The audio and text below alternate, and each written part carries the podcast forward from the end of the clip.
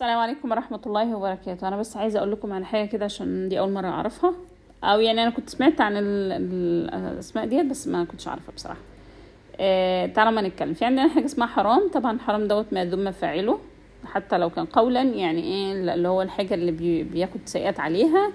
حتى لو كانت قول زي الغيبة والنميمة والحاجات زي كده أو عمل بقى قلبي اللي هو الحقد والحسد والحاجات اللي زي كده خلاص بياخد عليها دي ذنوب. تمام كده؟ والأس والحرام له أسماء كتيرة منها آه، ذنوب وسيئات وفاحشة وإثم وكلام زي كده. يعني عندنا بقى حاجة اسمها المندوب. المندوب ده اللي هو المستحب. المستحب ده درجات أعلاه السنة. يعني وإحنا نازلين بقى من فوق من الدرج كده من فوق. سنة تحت منها فضيلة تحت منها نافلة.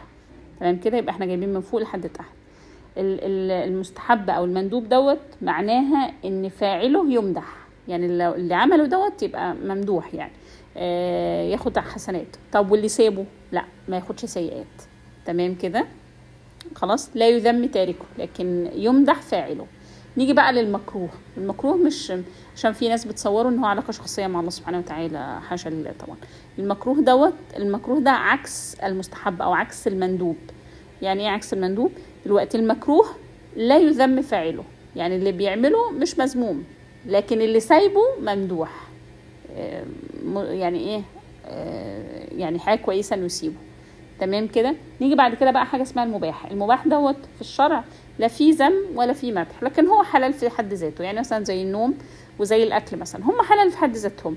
تمام كده؟ بس أنا دلوقتي لو نايمة وعندي نية إن أنا بنام عشان أقوم أصلي الفجر عشان أقوم لله سبحانه وتعالى أو عشان جسمي ياخد قسط كافي من الراحة فده باخد عليه أجر. تمام كده؟ القصة تكون وصلت